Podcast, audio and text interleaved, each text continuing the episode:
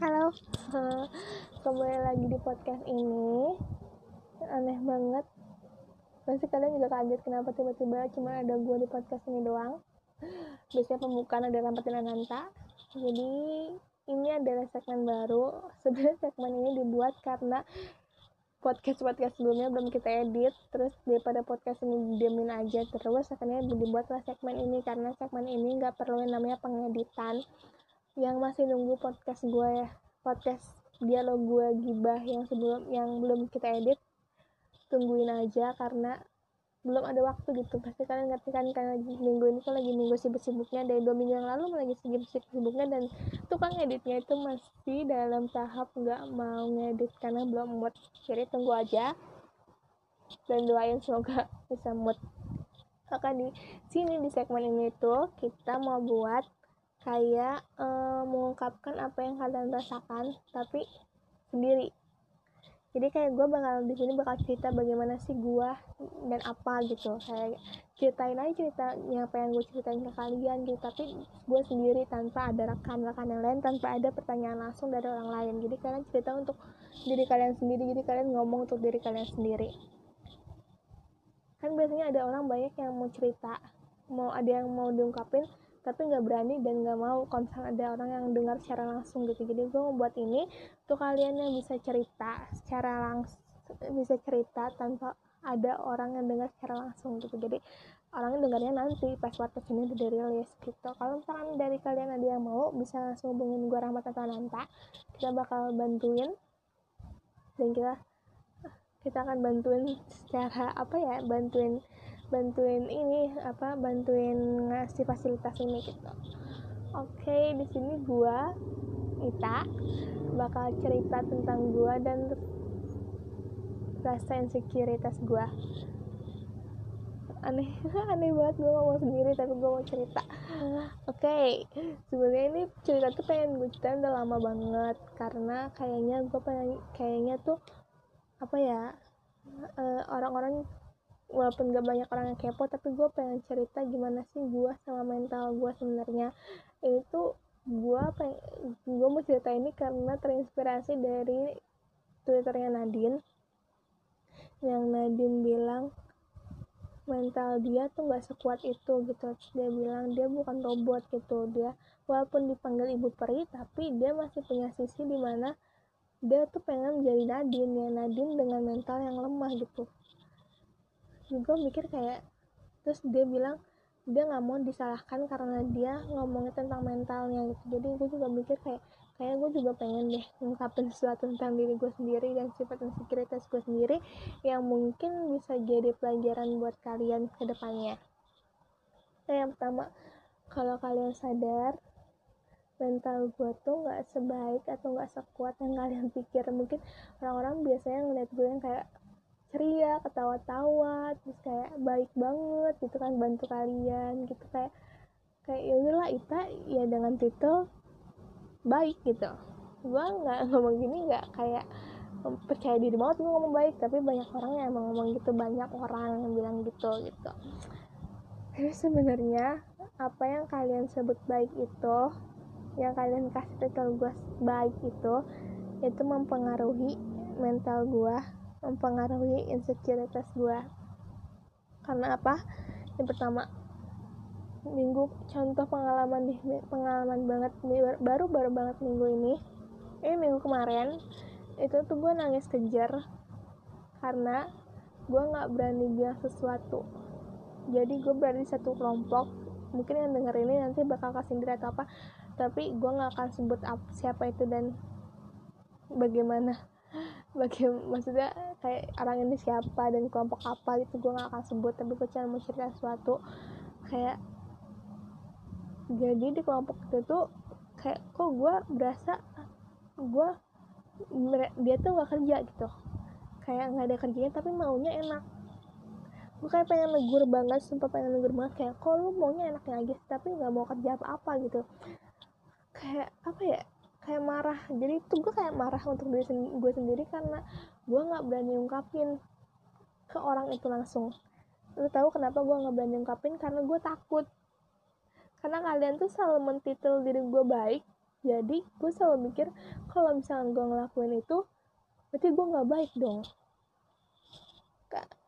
Karena titel itu gue jadi ngerasa takut. Gue nggak seberani itu. Mungkin gue bakal cerita kayak ke ke teman-teman dekat gue tapi ya udah tapi gue nggak berani cerita ke orang itu langsung gitu. Tetap aja gue nggak bisa nggak bisa. Gue bebas bebas kayak lu tuh nggak mau kerja gitu gitu gue nggak bisa gitu. Itu bikin gue nangis. Karena gue ngerasa marah sama diri gue sendiri karena gue nggak bisa ungkapin secara langsung. Itu benar-benar bikin gue nangis segukan itu. Dan gue ngerasa kayak wah gila. Nggak baik nih. Benar-benar nggak baik bagi diri gue sendiri itu nggak baik itu tuh kejadian waktu gue bikin snap WhatsApp yang bilang harus kuat Tuhan itu nggak tidur. Di itu tuh satu kejadian itu tuh gue ngerasa kayak wah gila. Gue nggak mau. Gue nggak mau temenan sama dia lagi. Gue berasa jahat. Gue berasa kayak wah sumpah. Nggak bisa nih gue nggak bisa. Nggak bisa gue gue nggak bisa gitu. Kayak nggak nggak bisa nih gue nggak bisa diri gue yang kayak gitu terus gue nggak bisa gue jadi kayak orang gila gitu kayak gue nangis bukan karena orang lain dan karena marah sama diri sendiri coba kalian jadi gue kepikiran nggak? Terus kayak ngerasa aneh terus gue ngerasa kayak bingung terus gue marah sama diri gue sendiri.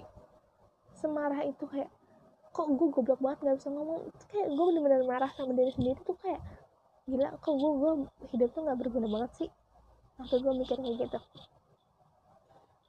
aneh banget.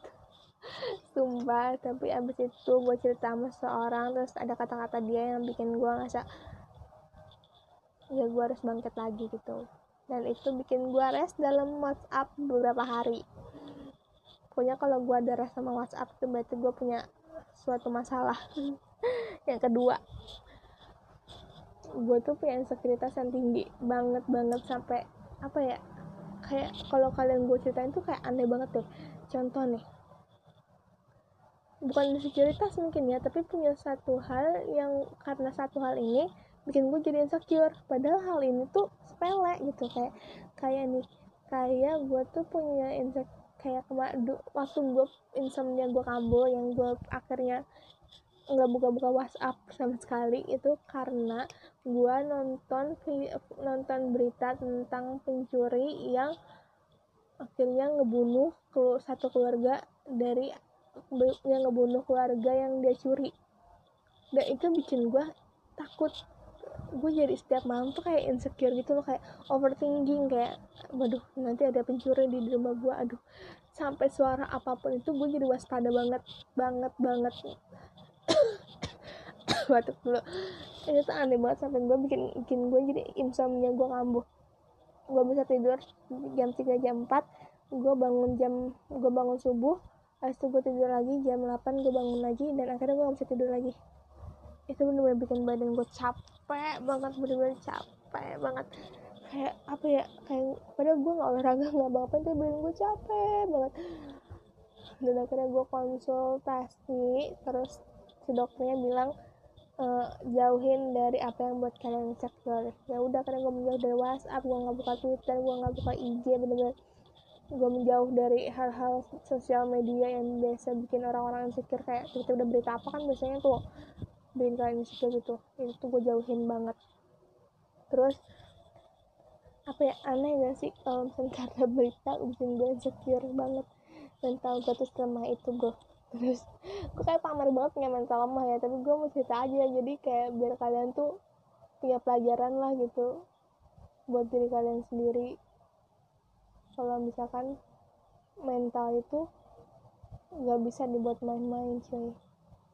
Terus yang kedua itu gua ini juga udah sepele banget. Dan kalian pasti yang denger kayak ngerasa hah? gitu. Gue tuh sempat insecure banget sama podcast ini karena kalian nungguin podcast ini. Gue sempet kayak takut banget karena tiba-tiba Dika bilang e, dia benar-benar appreciate banget sama podcast ini. Katanya dia bakal bantu uh, nyebarin podcast ini kalau misalkan dia jadi bintang tamunya terus kayak podcast gue dia bener-bener ditungguin banget gitu kan. Itu bikin gue ngerasa gue takut gue takut podcast gue tuh nggak sesuai sama ekspektasi kalian sebenarnya. Karena podcast ini dibuat karena buat main-main gitu. Terus kalian nggak itu serius tuh bikin gue bener-bener jadi ngerasa overthinking banget. Terus kayak itu gue cerita sama sama Nanta tuh kayak gimana gue nggak bisa nih Dika ngomong gini gue nggak bisa apa nggak usah kita lanjutin podcastnya ya gitu. Apa ngerasa kayak kayak gue nggak mau lanjutin podcast ini karena kalian ngomong kayak gitu. Bikin gue insecure banget. Sumpah serius deh sampai itu tuh bikin gue gak mau buka WhatsApp karena takut ditanya soal podcast. Aneh banget sumpah. Bikin gue kepikiran banget seharian. Aneh banget gak sih? Terus ada lagi kalau kalian sadar itu beberapa minggu yang lalu itu gue sempat menjauh dari Nida dan Sekar. Ini sudah ceritanya tuh kayak apa ya mungkin juga kebanyakan orang pernah di posisi ini kali ya tapi gue juga mau cerita aja. Itu karena gue gue merasa overthinking insecure sama diri gue sendiri. Karena apa? Karena gue berasa tuh Nida sama Sekar tuh lebih baik berteman berdua tanpa gue karena gue berasa kalau gue ada di situ gue jadi kayak party pooper gitu. Kayak apa ya uh, kayak nggak seharusnya gue ada di circle nih. Dama Sekar kayak nih Dama Sekar tuh lebih baik kalau mereka berdua tanpa gue gue mikir kayak gitu. Itu karena gue lupa mulainya dari mana tapi tiba-tiba tuh gue mikir kayak gitu. Ada ada ada ada pemicunya tapi gue lupa waktu itu. Gue jadi mikir kayak gitu. Terus bener-bener gue bener-bener gue menjauh dari Nida Sekar dan karena menjauh dari Nida Sekar gue jadi mikir kayak ya deh gue juga kayak mending menjauh dari paguyuban. Jadi gue punya circle paguyuban gitu. Gue jarang banget aktif di paguyuban malah nggak pernah. Terus gue kayak jarang balas chat orang lain. Terus gue kayak bilang sama Sam karena gue ngerasa kayaknya gue kalau berteman tuh nggak baik gitu. Karena dari situ gue kayak gue dari Nida sampai sekarang gue berasa gue teman-teman baik buat mereka berdua. Terus gue jadi ngerasa gue juga nggak nggak nggak bisa jadi teman baik buat orang lain juga gitu di situ kali gue cuma dekat sama Rahmat sama Nanta. Bingung kan kenapa gue cuma dekat sama Rahmat sama Nanta? Karena sama Rahmat sama Nanta tuh mereka tuh bukan bukan sebagai teman bagi gue mereka tuh kayak abang dan gue butuh banget sosok abang kayak kasih nasihat tiap saat. Itu sebenarnya di dalam masa tuh kalau misalkan gue curhat apa pun pasti mereka langsung kayak ngasih nasihat ya gini tak gitu tapi kalau dari rasa Mananta tuh gue berasa banget kayak mereka berdua tuh abang gitu. Bener-bener abang makanya kadang tuh kalau dipikir lagi emang terlalu dekat banget ya gue pertama pertama tapi karena gue nggak punya lagi bener kayak abang gue sendiri gitu. Karena gue lagi sedih tiba-tiba nantang ngadain video tiktok kan gue jadi ketawa lagi gitu. Aneh banget. Terus yang ketiga kalau ini mungkin berat ya bahasannya. Jadi gue tuh insecure banget sama saudara-saudara gue. Gue gue tuh gue adalah tipe orang yang menarik diri dari keluarga saudara-saudara gue benar-benar menarik diri. Kalau misalnya kebanyakan orang dekat banget sama sepupu sepupunya kalau gue nggak gue nggak mau. Sebenarnya karena satu kejadian kayak sebenarnya udah lama banget kejadiannya gitu kayak mereka tuh kalau pernah ngomong apa gitu tentang gue mereka bilang kayak Ita tuh gak bisa apa-apa gitu. Sebenarnya udah lama banget tapi masih kepikiran sampai sekarang. Jadi kalau misalkan gue ketemu sama saudara-saudara gue lebih baik gue berada di kamar. Kalau nggak kalau misalkan gue ada di ruang yang sama sama saudara-saudara gue lebih baik gue selalu ada di pojokan main handphone. Karena gue nggak berani itu. Gue nggak berani natap mata mereka tuh gue nggak berani. Anehnya sih sampai saat ini. Sampai kalau misalkan gue harus ketemu sama saudara-saudara gue itu mama sama ayah gue tuh selalu memikirkan gue duluan bersabar orang lain. Aneh ya? Terus pokoknya diperparah sama baru bulan lalu tuh tiba-tiba saudara gue ada saudara dari ibu gue dia bilang gini uh, Ita tuh nggak cocok jadi perempuan dia nggak bisa masak gitu. Dia sedang ngomong kasar sekasar itu. Dan itu bikin mental gue langsung down banget. Tiba-tiba gue nangis. Bener nangis itu sesebukan terus kayak nggak bisa napas. Kayak udah bener-bener nangis nggak bisa napas. Itu udah waktu dua jam tiga jam tuh gue cuma bisa gue bisanya gue tuh nangis doang. Apa ditengah ditenangin sama mama gue sama ibu ibu gue terus sama saudara gue ada satu orang kakaknya mama. Itu tetap gue nggak berhenti nangis. Dan sampai saat ini kalau gue ketemu sama orang ini sama saudara ibu gue ini gue selalu gemetar dan nangis. Gak bisa gue gue dengar suaranya aja kalau mama gue teleponan sama saudaranya ini gue selalu langsung nangis. Jelek itu mental gue cuy dan apa? Eh musik apa dia kayak udah deh itu aja. Gue cuma cerita soal gimana sih mental gue yang lemah gimana gue punya insecuritas yang tinggi banget. Gue bisa overthinking itu sama sesuatu gitu. Oh iya gue juga mau cerita kenapa gue bisa seberani seberani sekarang itu kayak nyindir orang-orang. Di berada di kelas atau nyindir orang-orang. Nggak ada di angkatan. Lucu banget sih itu karena itu adalah salah satu cara gue buat menghilangkan bukan menghilangkan sih karena insecure itu kayak harus dihilangin deh ya. Salah satu cara gue buat meredakan insecure gue meredakan overthinking gue dan bisa menaikkan mental gue karena apa? Karena biasanya kan gue nggak berani untuk berbicara gitu kayak ya udah terima jadinya aja kalau misalkan mereka maunya gini ya udah gue ngikutin gitu. Tapi karena gue berasa kayaknya gue harus merubah sesuatu untuk gue menjadi lebih baik karena gue mulai memberanikan diri untuk melawan hal-hal yang menurut gue aneh. Aneh banget sih itu parah. Sebenarnya itu dimulai karena gue berasa kok gue diem aja saat gue berasa gue ditindas gue gak mau cerita banyak takutnya jadi spill. Just kayak gue berasa pernah ditindas sama satu hal akhirnya gue ngerasa kayak nggak bisa nih gue diem aja gitu. Lalu gue tetap nggak berani gue cuma bilang nggak bisa nih gue nggak bisa tapi buat diri gue sendiri gitu.